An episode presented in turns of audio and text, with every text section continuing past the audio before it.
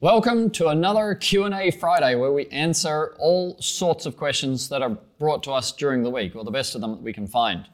So this week our topics are cleaning bee poo and tree sap off solar panels, um, a little bit of information about onboard tanks for carrying water to work sites, understanding the cleaning techniques with water fed at extreme heights, that's like 5, 6, and 7, um, how the water temperature affects the performance of your RO coming into winter and out of winter into spring, and the art of jumping a water fed brush over deep frames.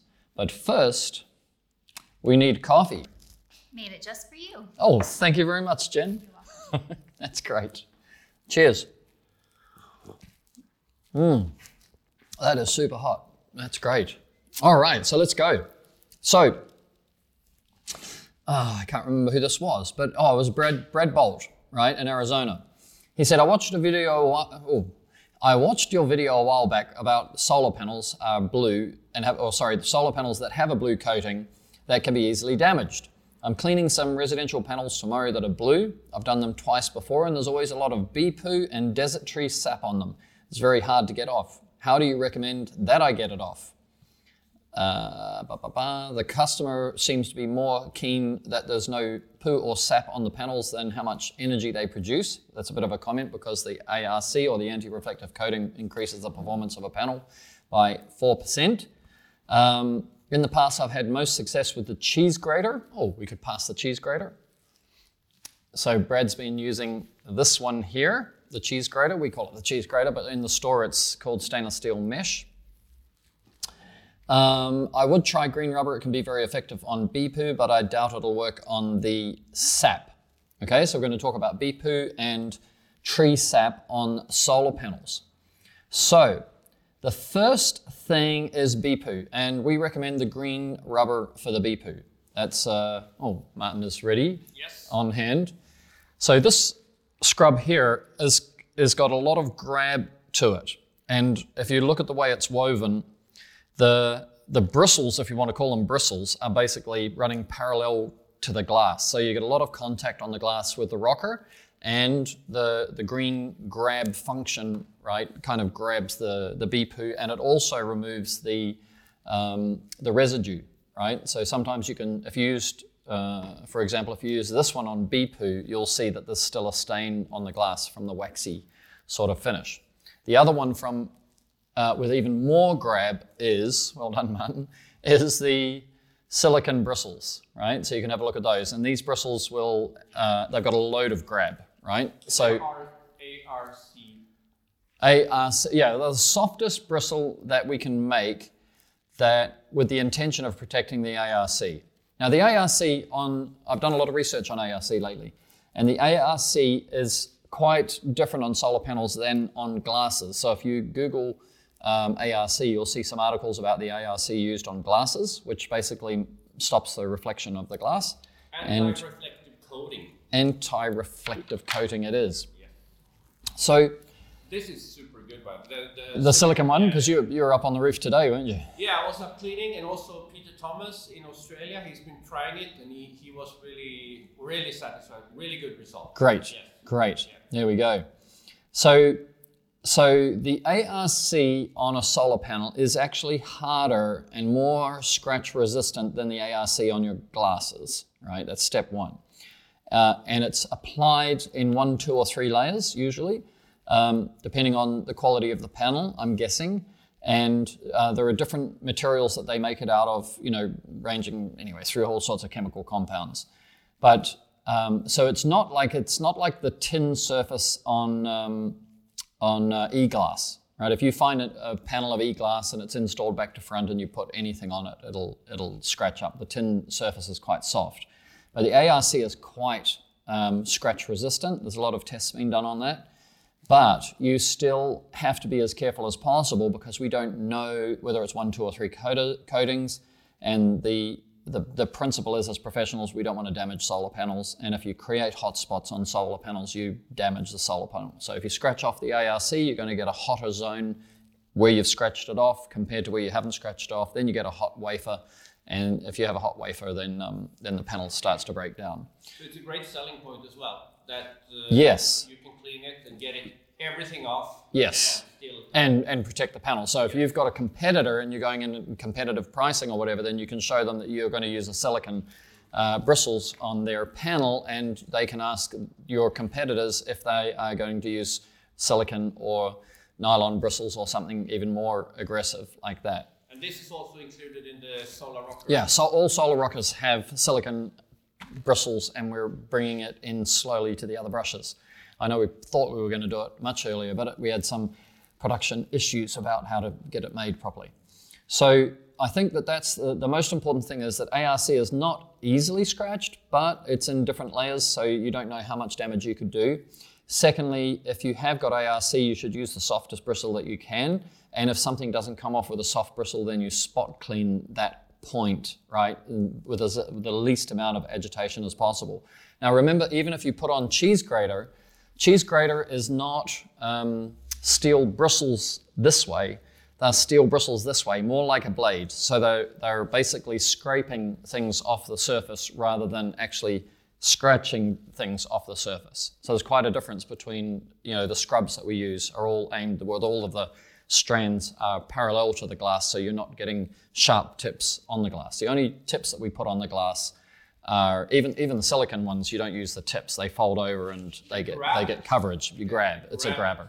So the only tips that we use on glass are nylon bristle tips. Yep. Okay. Well, time for a coffee. That's coffee. topic number one done.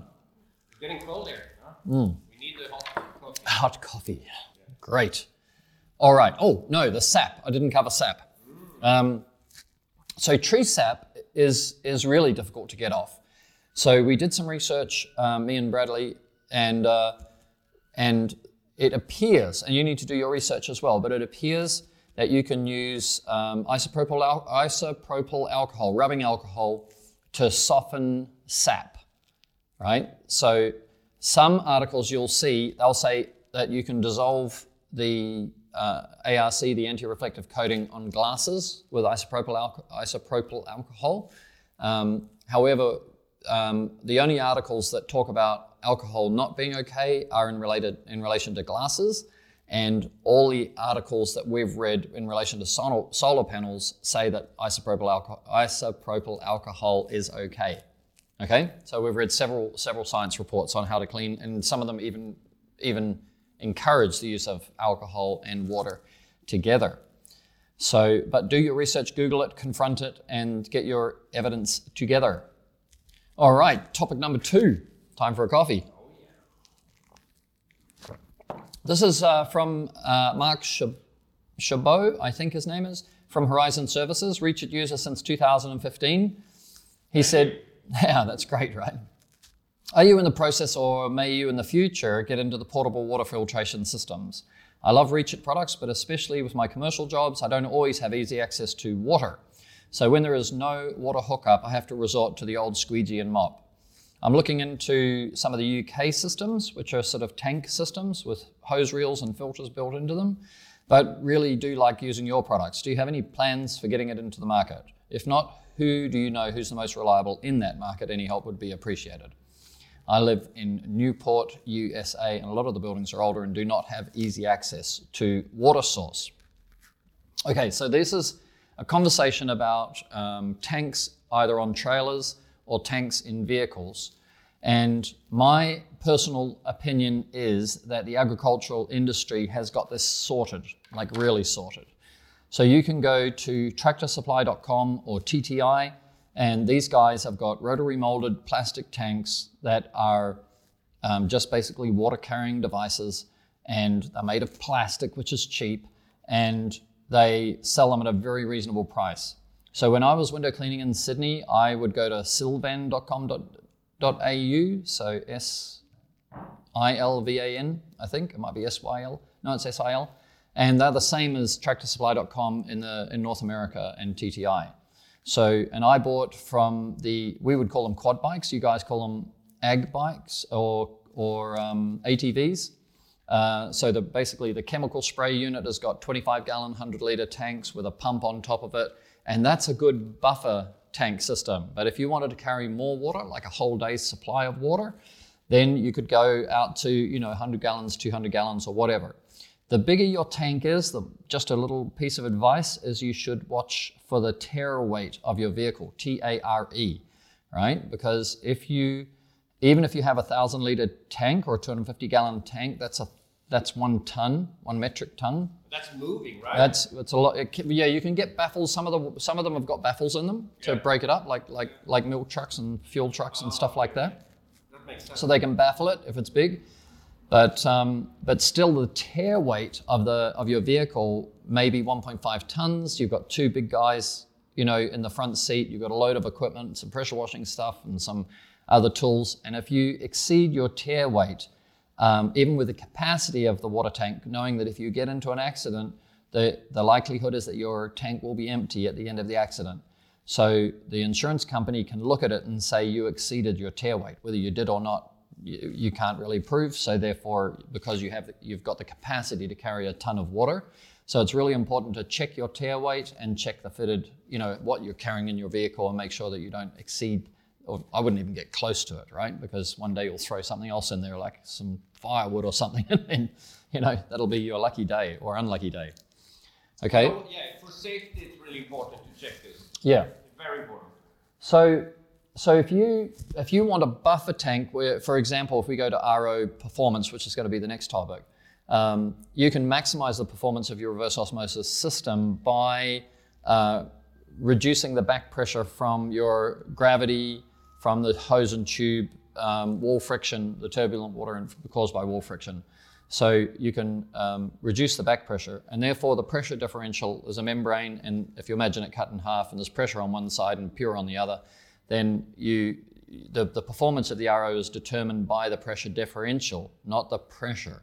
So the more back pressure you have, the less production of pure water you'll get. So if you wanted to maximize your RODI, you can put the water into a buffer tank.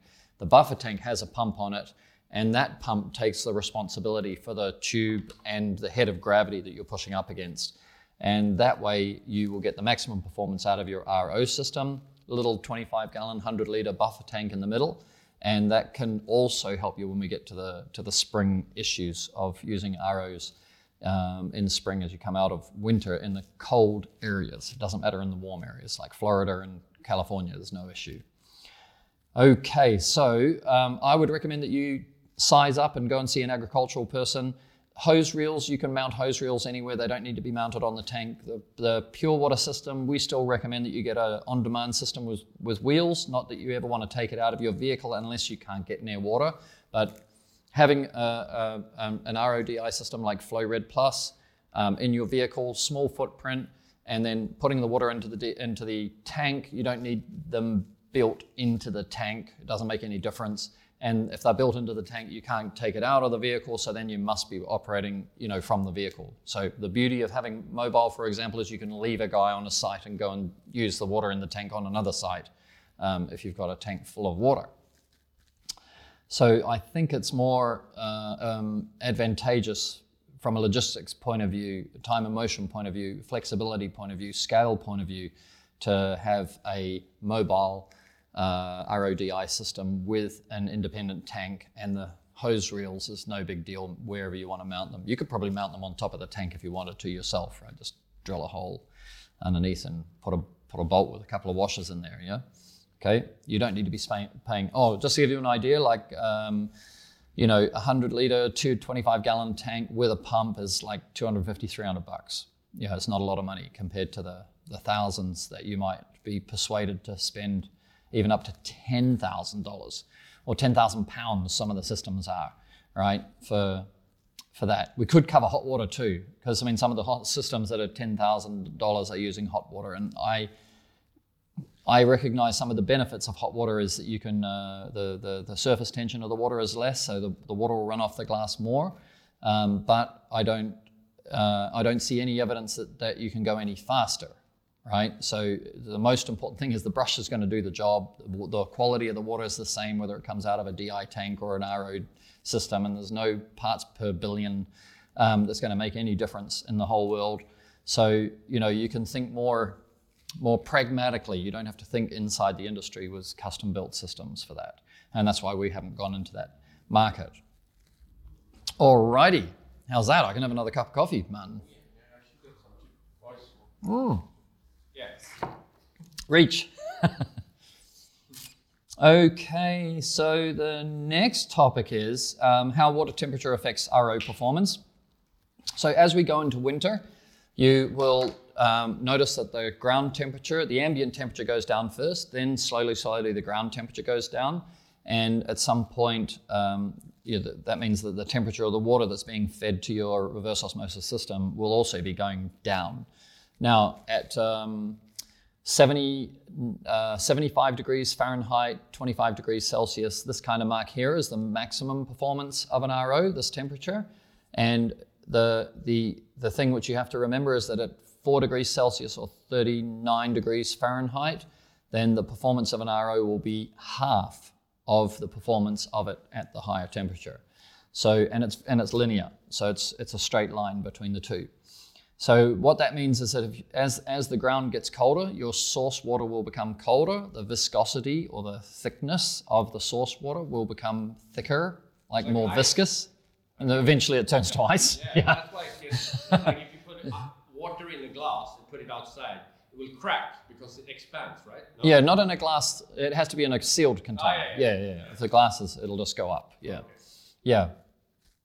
So, um, so this is the this is the the thing to notice is that the water will become like thicker, if you want to imagine it like that, more like a gel. It doesn't turn into a gel, but you know, if you imagine that a gel is thicker than water, so we don't notice that it's getting thicker, but it's getting thicker, and then that when you're trying to push the water through these tiny little holes, that viscosity makes a difference, and uh, it doesn't get any worse than at four degrees, right? So four degrees is the or 39 degrees Fahrenheit. That's your critical mark of the, the worst performance of, of an RO. Now, a lot of the guys cleaning from um, fall through to winter, uh, even though the ambient temperature of the air is dropping, the ground temperature is still relatively warm, so you don't notice it so much. However, at the other side of winter, when the ambient temperature is going up and you've got a lovely day, the ground is still potentially six feet deep as frozen. So you've still got very, very cold water going into your RO, and then you'll think, oh my God, my RO doesn't work as well as it did when I went into winter. So maybe there's something wrong with my RO. And we've seen um, over the years a lot of people replace their ROs on advice uh, on the basis that they've failed over winter and stuff like that. And uh, it's re- actually really, really unlikely that they've failed over winter. The most likely thing is that you're dealing with really cold water, and so the performance is half. So again, if you're coming out of winter and your RO is not producing the same flow rate that you were experiencing going into winter, then you would want to um, possibly look again into the tractorsupply.com or TTI or silvan.com.au, like places, the agricultural suppliers of tanks, and buy a tank with a 12 volt pump. It can be 60 psi through to 100 psi, um, preferably 1.7 gallons per minute or seven liters per minute, something like that. And then that little pump there will, will handle all of the back pressure while your RO is delivering, okay, less, but it, but it, but the maximum that it can do. And then if you want to boost the pressure going in, then you would put a booster pump like a Wayne PC4 or a Liberty 331 um, or equivalent half horsepower pump uh, used as a transfer pump mostly is the, is the basic design. And you can put this pump in front of the RO and increase the pressure in front of the RO so you've got more pressure to create a bigger pressure differential across the RO. How did that go? Did I say that good, Martin? I think that was pretty Very clear. very clear. Whew, good. Wow. I understood it. Great. Well, if you understood it, The colder it is, the harder to pass through the RO, yeah, basically. that's basically it. Yeah. So you can use a booster pump, for example. Yeah, you use a booster pump in front of the RO or, or a buffer tank and a delivery pump after the RO. Yeah. Yeah. Yeah. then you know the temperature. Yes. You can control the temperature. No, no, no, not the temperature. You can just can, you can just offset the effect of the temperature by Oh. by increasing more pressure means you'll get more product. Yeah, Okay. yeah, even though it's thicker, you won't get the same product. You'll just get or the same production rate. You'll just get more production because you've got more pressure differential across the membrane. But it also affects the glass, right? The, the temperature. how you clean it? Uh, Maybe that's a different topic. Yeah, it's a different topic, and I don't know there's a lot of um, evidence that the water temperature um, actually changes because clean is clean, and we've got no problems, guys, cleaning windows. So anybody who says you can clean windows better than clean is maybe is maybe uh, mythical. That's And where. you're still using uh, zero TDS. Yeah, yeah. water anyway. No, there's a, so your spot-free result is is going to be spot-free anything under TDS 10. So you know TDS zero is not critical. Um, TDS below zero in the parts per billion is definitely pointless. And um, so the most important thing is to choose the right brush and and or the right scrub on a brush so that you can get the debris off the glass. If it's difficult to remove with bristles, then you need to get the debris off the glass. And so that's why your brush design and your rinse function, like like agitate on the upstroke, rinse on the downstroke. That's that's your efficiency. Uh, the scrubs, it's the radial rocker, it's the deep frame rocker, Deep frame rocker. windows, and our new solar rocker as well. Yes, yes, they're all are all rockers with good scrubs.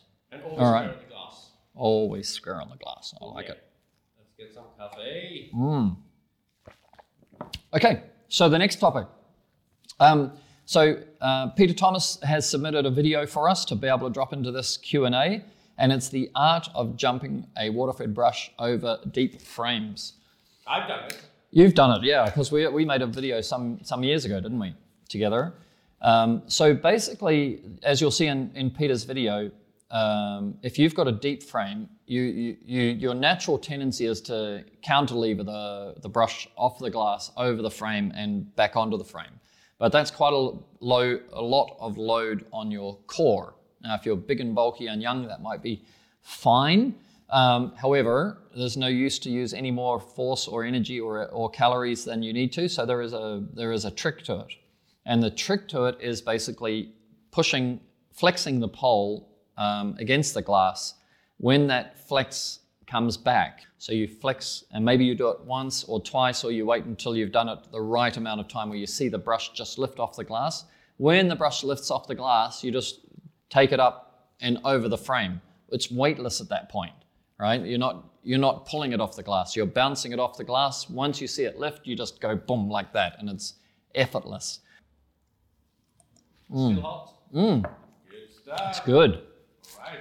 All right, last topic um, is understanding cleaning techniques with water fed at extreme heights.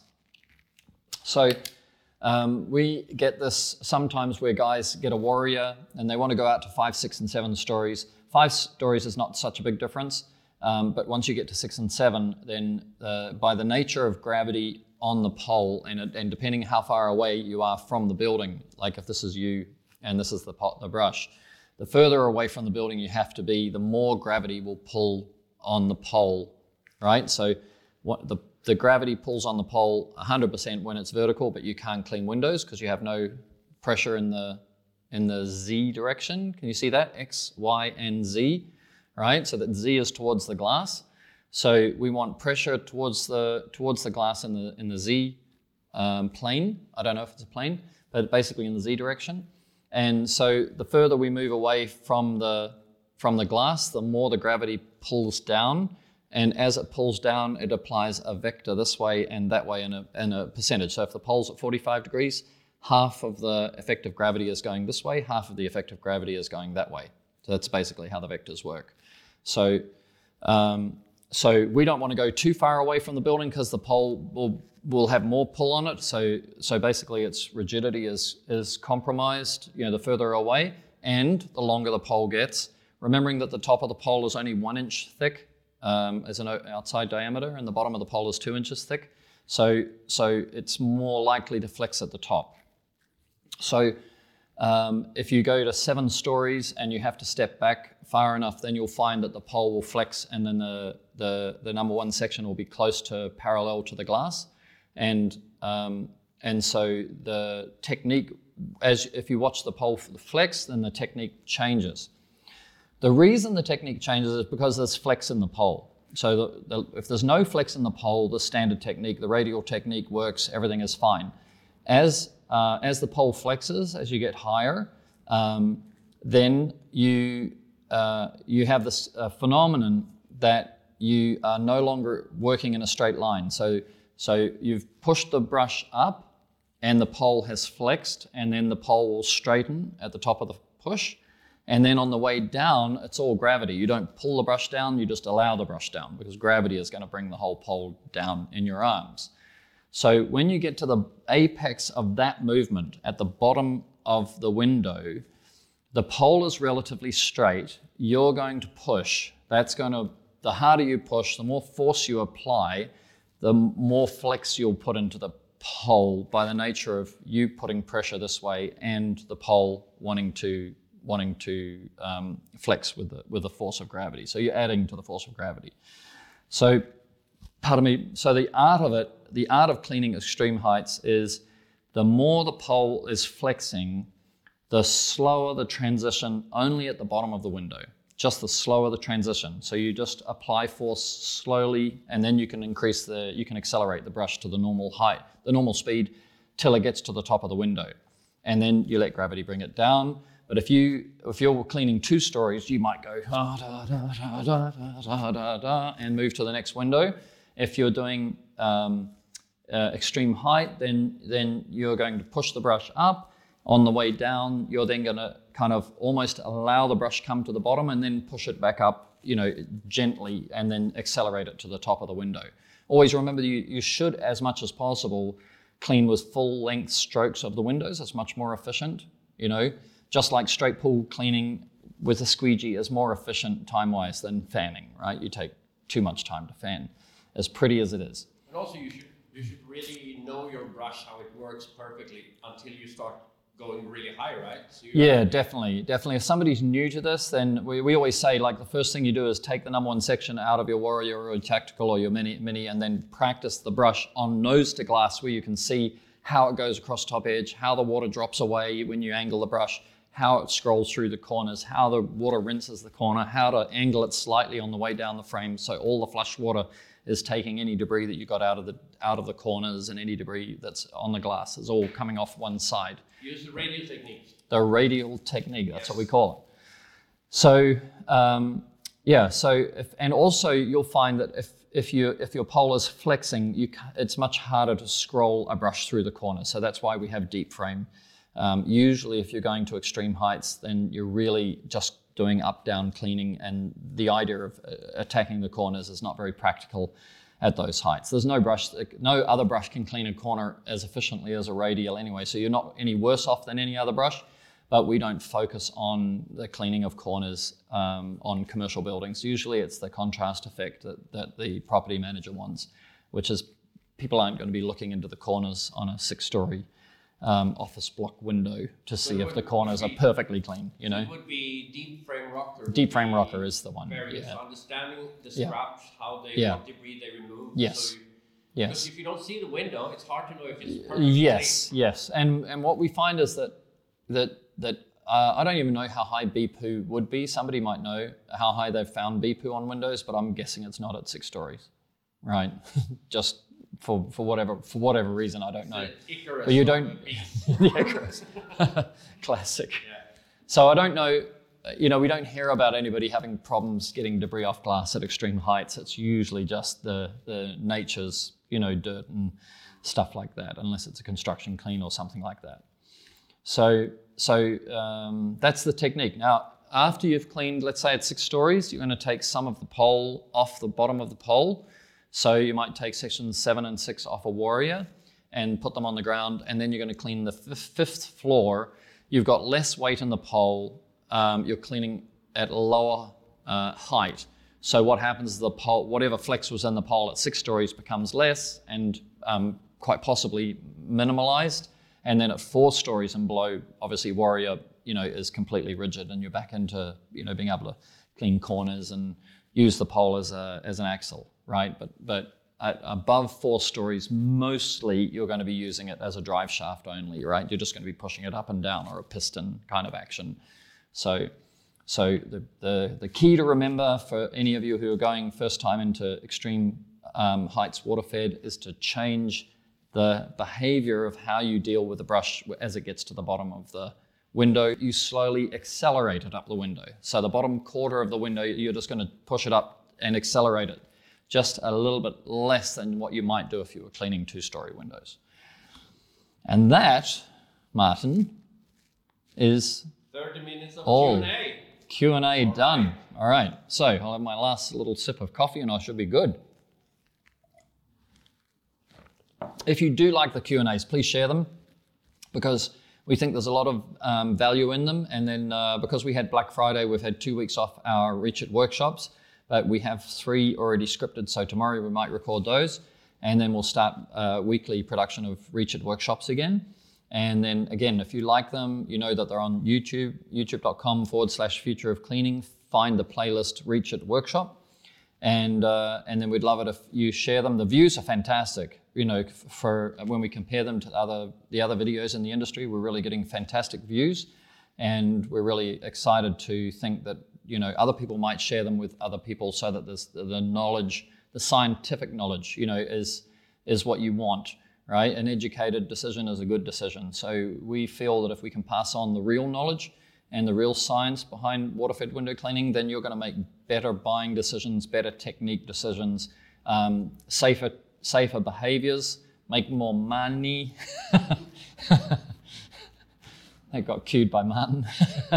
money.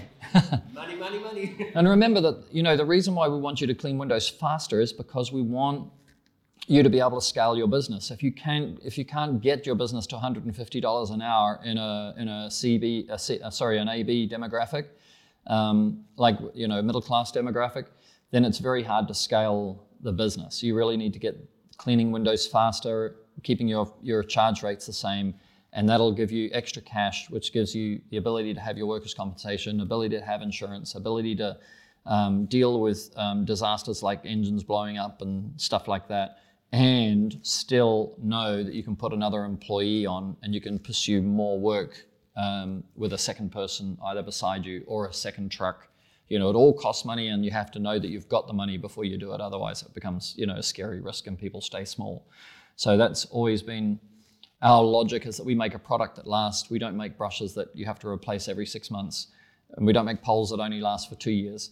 So, so our growth of, of Reach It is is actually determined by a referrals, um, b some Facebook, and c whether you can scale your business and put another truck on, and we get a whole new kit. So, um, so that's kind of like you know part of the reason why we think if we educate everybody properly, they'll make great decisions, they'll grow their business, they'll have, earn more money, their lifestyle will change, which is one thing, and but secondly, they'll, they'll their business will grow, and then they'll end up using more radial brushes and warrior poles and tactical poles and filters and stuff like that. Okay, so all good. All good. Thanks, Martin. Thank you, Perry. Good job. Great. We'll see you at the next Reach It workshop.